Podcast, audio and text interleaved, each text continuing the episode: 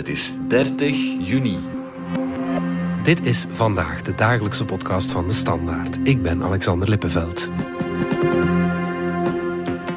Sinds gisteren loopt een klein dorpje in Vlaams-Brabant weer vol voor de moeder aller festivals. Rock Werchter. Want hoewel er al heel wat moois gepasseerd is de laatste weken, is dat toch de echte aftrap van de festivalzomer.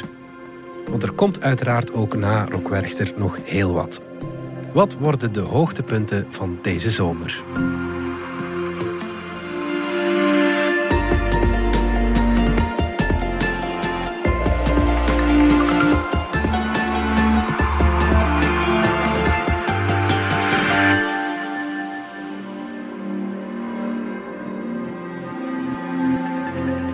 Fred Again. Fred Again, Fred Again, zien we zitten. Red Hot Chili Peppers, Red Hot Chili Peppers. Oscar en de Wolf. Editors, Portland vind ik ook wel leuk. Mumford Sons. Mumford Sons. Rosalia. Arctic Monkeys, Arctic Monkeys. Queens of the Stone Age. The 1975. Ja, gewoon het hele pakket. Oh nee, maar we hebben veel te veel, heel drukke planning, dus... Ik kijk heel veel uit naar de hele sfeer er rond. Camping enzovoort zelf lijkt mij super tof. Ik vind het ook echt heel leuk om gewoon op de camping te zijn met je maten. En eh, dat is echt zo vijf dagen zonder zorgen en je zegt gewoon ergens helemaal anders. Ik kijk er al heel hard naar uit, naar de sfeer.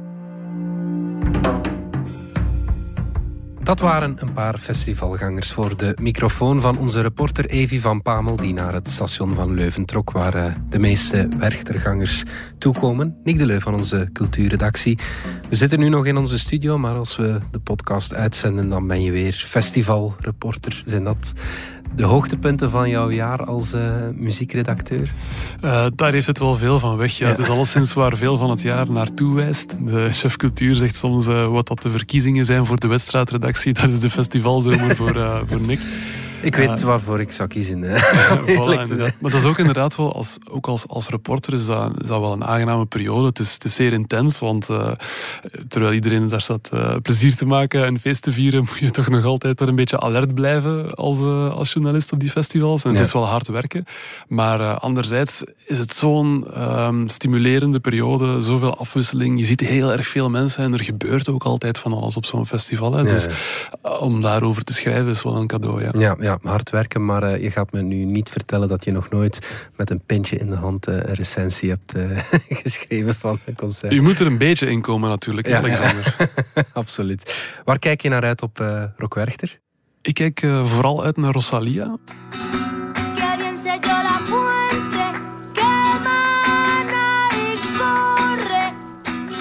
Bij een vorige editie was er ook al eens. Toen is een collega ernaar gaan kijken. Was ik er zelfs niet bij.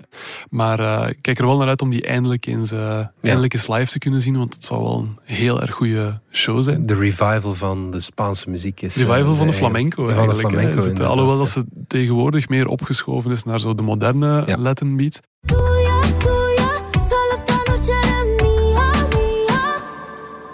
Sigur Roos is ook terug, de IJslandse postrockgroep.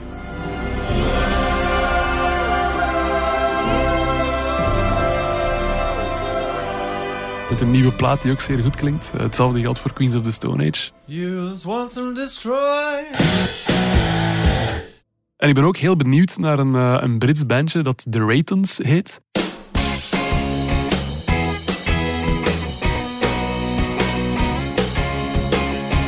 Nooit van gehoord. Uh, ja, die staan op het, op het kleinste podium van Rock Werchter, op de sloop. Ik ben daar eens opgestoten op Spotify, willekeurig. En een, uh, ja. Omdat het algoritme dacht, jij houdt wel van Arctic Monkeys. En dit zijn de nieuwe Arctic Monkeys. Oké, okay, uh, ja. Nu spreek ik in naam van het algoritme. Of dat het echt ooit zo groot gaat worden, dat ja. valt nog te bezien. Maar als je het hoort, dan ja, merk je wel meteen waar ze de mosterd te halen. So it feels alright, alright.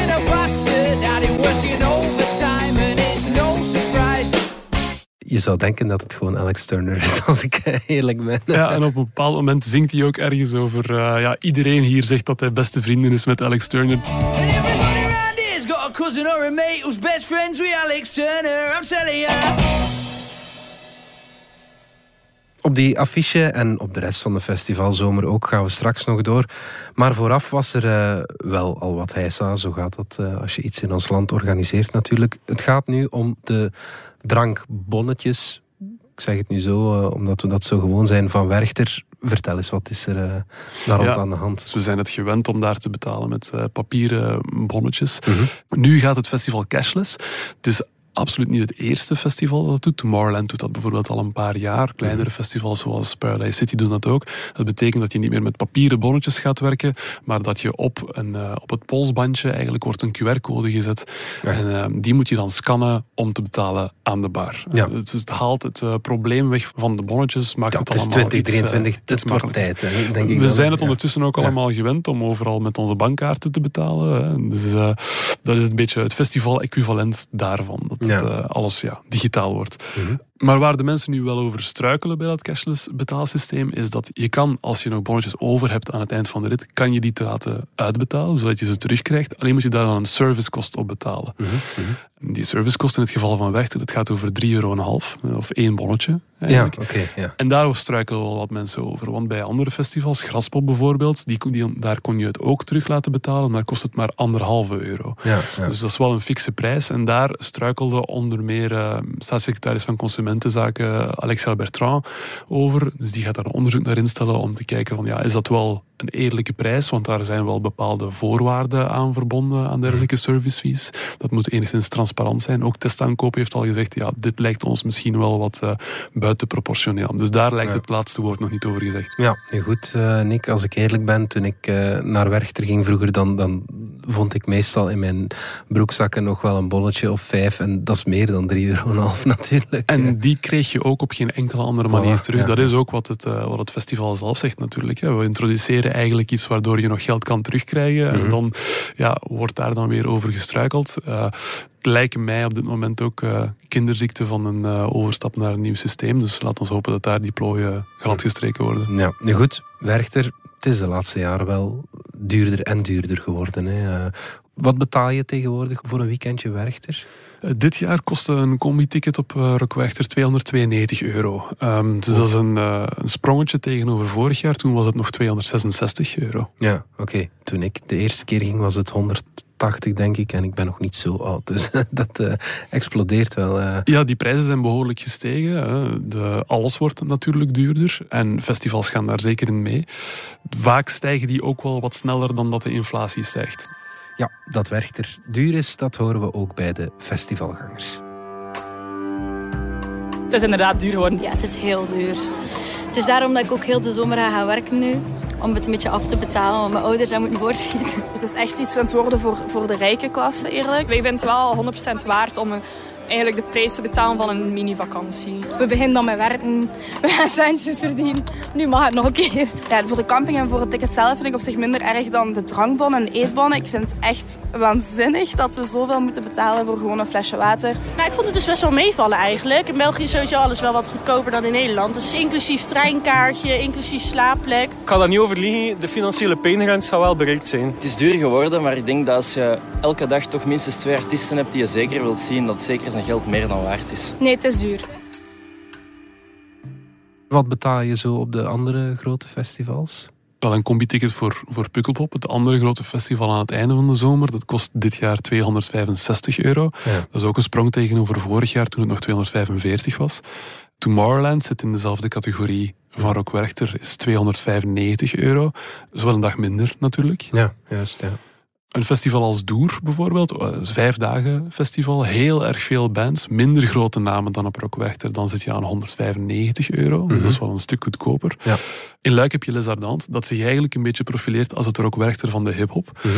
Ja, daar komen dan grote namen zoals Kendrick Lamar naartoe. Wicked weakness, you gotta see this. Dan zie je dat die prijs ook meteen weer omhoog gaat. Dan zit je aan 250 euro ongeveer. Ja, dus ja. die 250 euro, de meeste meerdaagse festivals met camping zitten in die prijscategorie. Maar het duurste festival van Vlaanderen, Alex, heb je daar een eh, idee Geen van? flauw idee. Nee, nee, nee. Het is, geloof het of niet, eh Graspop Metal Meeting. Daar betaal je 299 euro voor eh vier dagen festival. Oké, ja, dat is inderdaad wel veel. Maar bon, daar staat Axel Rose dan ook wel. Dus, eh, Maar alles is natuurlijk een beetje, een beetje relatief. hè. Als je gaat kijken naar, eh, naar festivals in het buitenland. Glastonbury zit er net op. eh, daar betaal je 389 euro om Ja. binnen te raken. Wechter mag nog een aantal jaar verduren in prijs voor ze daar aankomen. Ja, ja. En wie er eh, naar de Rolling Stones wou gaan kijken een tijdje geleden, die had het goedkoopste ticket voor 99 euro en het duurste voor 490 euro.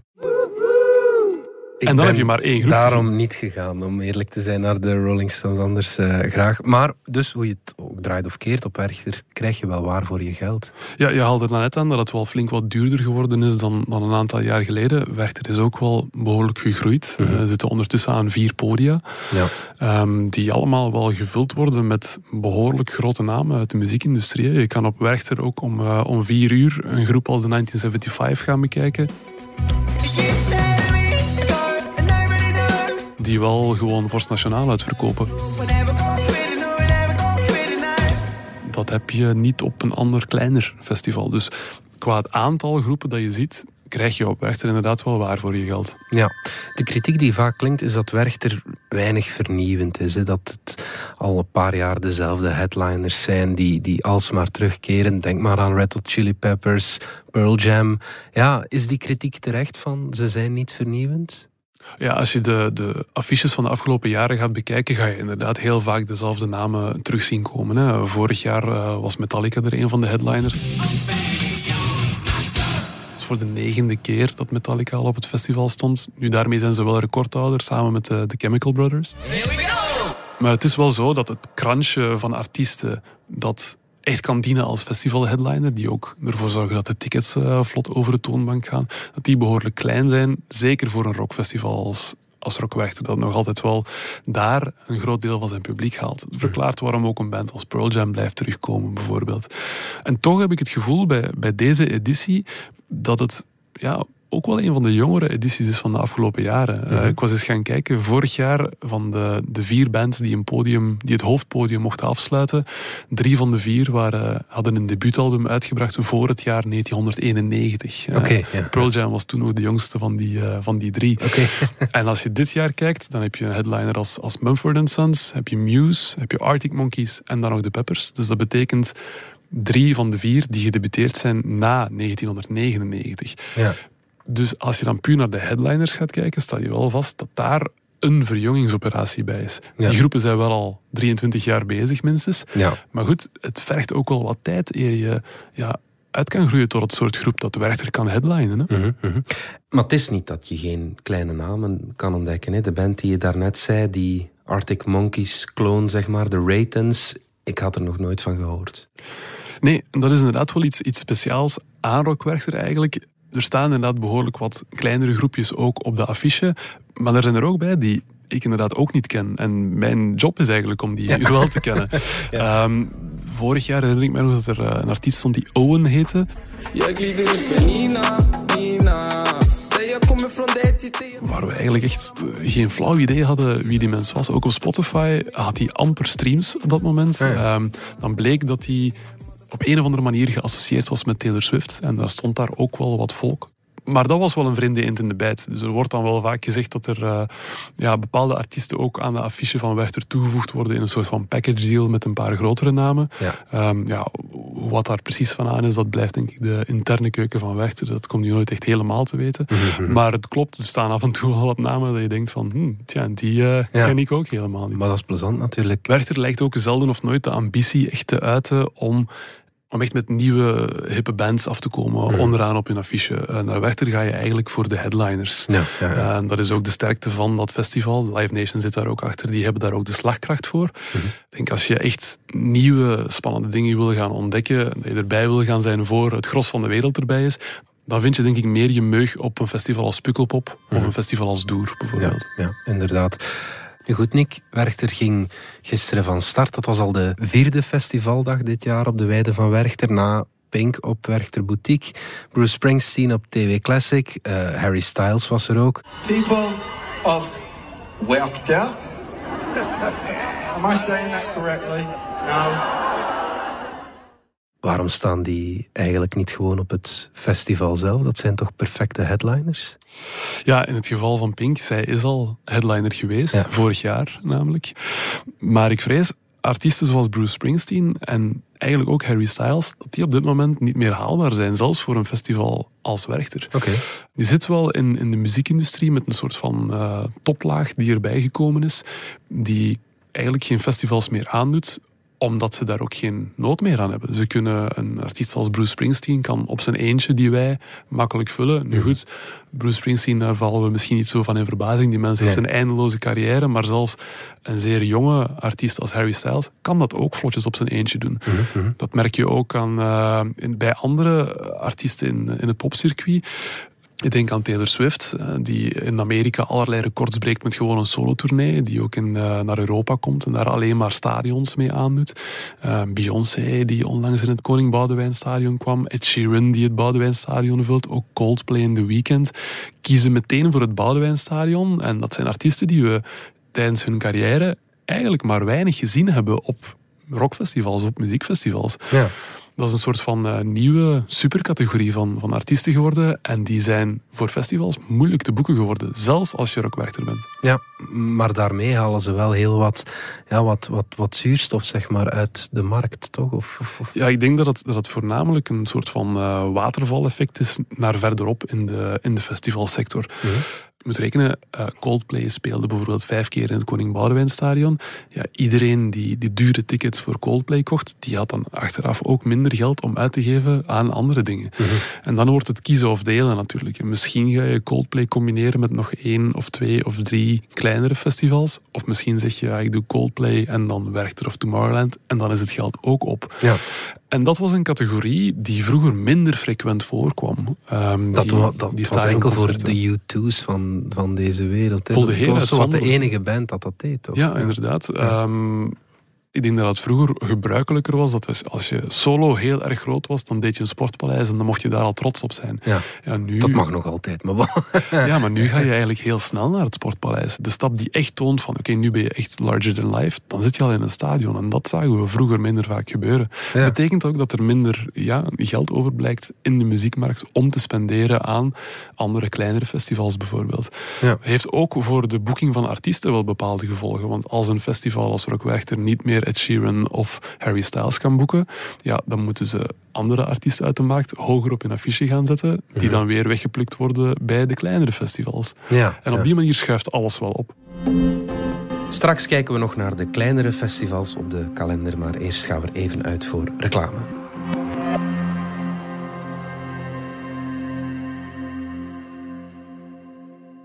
Waarom dat ik met mijn neus in dat Super 8 Flandrië-glas zit? Ah, ben ik de cola aan het verkennen, hè? Super 8. Lekker onverwacht.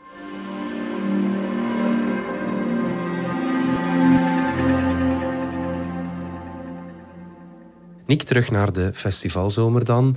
Je zegt dat de grote festivals en vooral de grote namen al een grote hap uit het budget van de festivalgangers nemen. Schiet er dan nog iets over voor de kleinere festivals?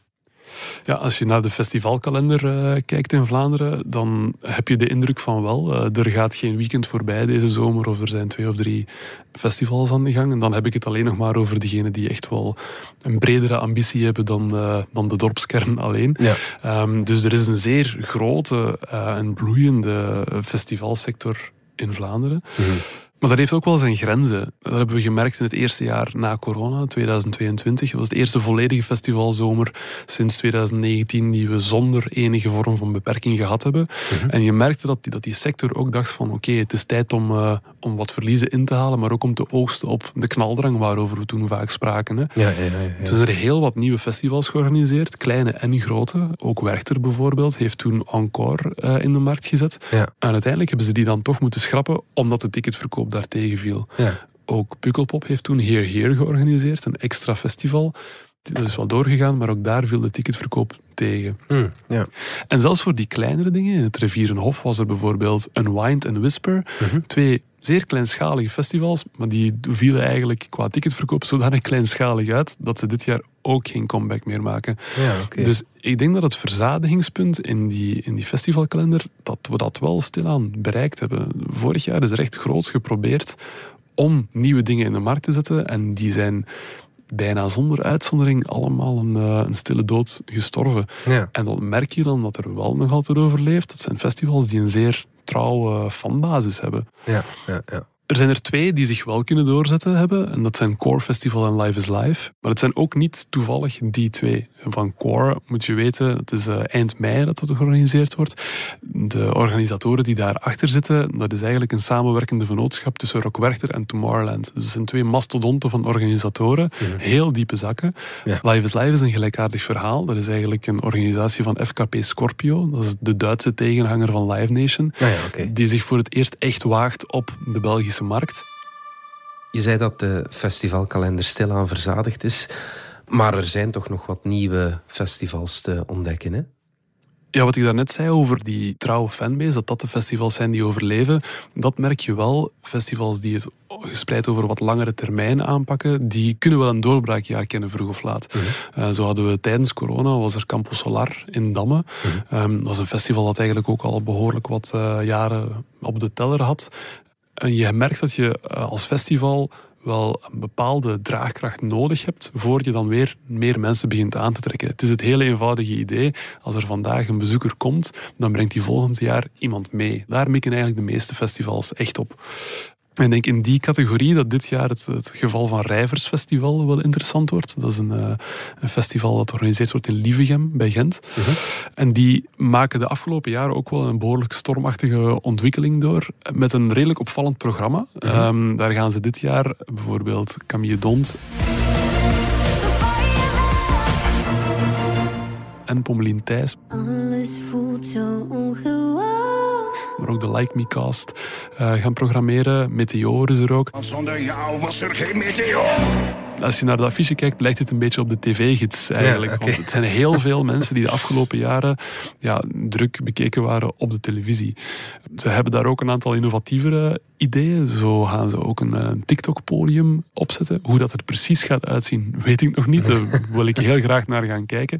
Er komt dan bijvoorbeeld eh, Herman Verbrugge als Markske van de kampioenen. Komt daar dan een DJ-set draaien. Maar er staan ook influencers zoals Tien Edlund en Celine Dept staan daar. Dus ik ben wel benieuwd om te zien. Dat is een festival met een zeer jong publiek. Hoe zij dat dan gaan aanpakken. Want dat is wel een redelijk unieke positie in het Vlaamse festivallandschap. Nog een festival dat er dreigde van tussen te vallen was eh, Gent Jazz door dat faillissement. Ehm, maar die staan nu terug met een, een waanzinnig goede line-up, vind ik eh, persoonlijk. Dat is wel straf dat ze zichzelf zo heruitgevonden hebben. Hè? Ja, die zijn een beetje opgestaan uit de doden eigenlijk. Ja, ja, ja. Het, eh, er waren zeer donkere wolken boven dat festival. Er was wat mismanagement geweest bij de vorige organisatie. Maar het is op zich wel een heel erg mooi verhaal dat ook de, de sterkte van die, van die festivalsector in Vlaanderen wel illustreert. De, de mensen die zich daar nu hun schouders onder gezet hebben, dat is Greenhouse Talent. Een Gents boekingkantoor dat de afgelopen jaren uitgegroeid is tot wel een behoorlijk grote speler in die live-sector. Ja. Die organiseren ook bijvoorbeeld de concerten van Rammstein, de areneconcerten van Rammstein. Dus Ja. die spelen wel mee op een groot niveau. En zij brachten ook Prince en Leonard Cohen naar Gent, geloof ik. Ook de concerten van de Rolling Stones werden door hen eh, georganiseerd. Dus het is een speler met heel veel ervaring in die live-sector. Ja, zij vonden het belangrijk dat Gent Jazz in hun thuisbasis eigenlijk toch kon blijven voortbestaan. Bovendien hebben ze ook ja, behoorlijk wat eh, grote jazzartiesten, zoals Gregory Porter bijvoorbeeld, op hun artiestenrooster staan. Dus ze hebben er ook wel de connecties voor om daar een jazzfestival neer te zetten. Ja, ja. Dus dat vind ik op zich wel een, een mooi verhaal voor deze zomer. Niet vergeten, Jazz Middelheim ligt voorlopig nog altijd op apengapen. Dus Ja. het is goed dat we toch nog altijd een, eh, een groot jazzfestival kunnen blijven behouden in eh, Vlaanderen. Ja, goed. Tot slot, Nick, waar kijk je zelf eh, nog naar uit deze zomer? Ik kijk doorgaans wel uit naar Pukkelpop om, om de reden. Ik zie daar heel vaak ja, nieuwere en spannendere dingen. Dingen waar ik echt heel erg benieuwd naar ben om ze eens live te zien. Wat ik moeilijk kan inschatten. Ehm, Boy Genius komt daar bijvoorbeeld spelen. Not strong enough to be your man. Billie Eilish zal er ook weer zijn, wat eh, altijd een goede show oplevert. I'm the. En ik ben ook zeer gefascineerd door een, eh, een Nederlandse artiest die Prinses en de Geit heet. Oké.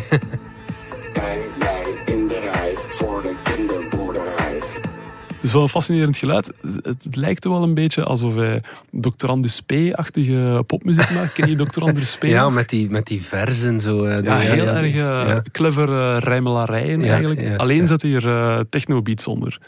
en ik heb die gezien op, eh, op het Showcase Festival Eurosonic in Groningen. En het was toen wel echt een geweldige show. Dus ik hoop dat we dat op eh Pukkelpop nog eens kunnen meemaken. Dr. Andus P. meets Tiesto, dat eh, willen we wel meemaken eigenlijk. Goed, Nick de Leu, veel plezier en dankjewel. Dankjewel. Dit was vandaag de dagelijkse podcast van De Standaard. Bedankt voor het luisteren. Volg ons op Spotify, Apple Podcast of eender welk ander podcastplatform. In onze gratis app DS Podcast kan je niet alleen ons werk beluisteren, maar ook de beste podcasttips terugvinden. Alle credits van de podcast die je net hoorde vind je op standaard.be-podcast. Reageren kan via podcast.standaard.be.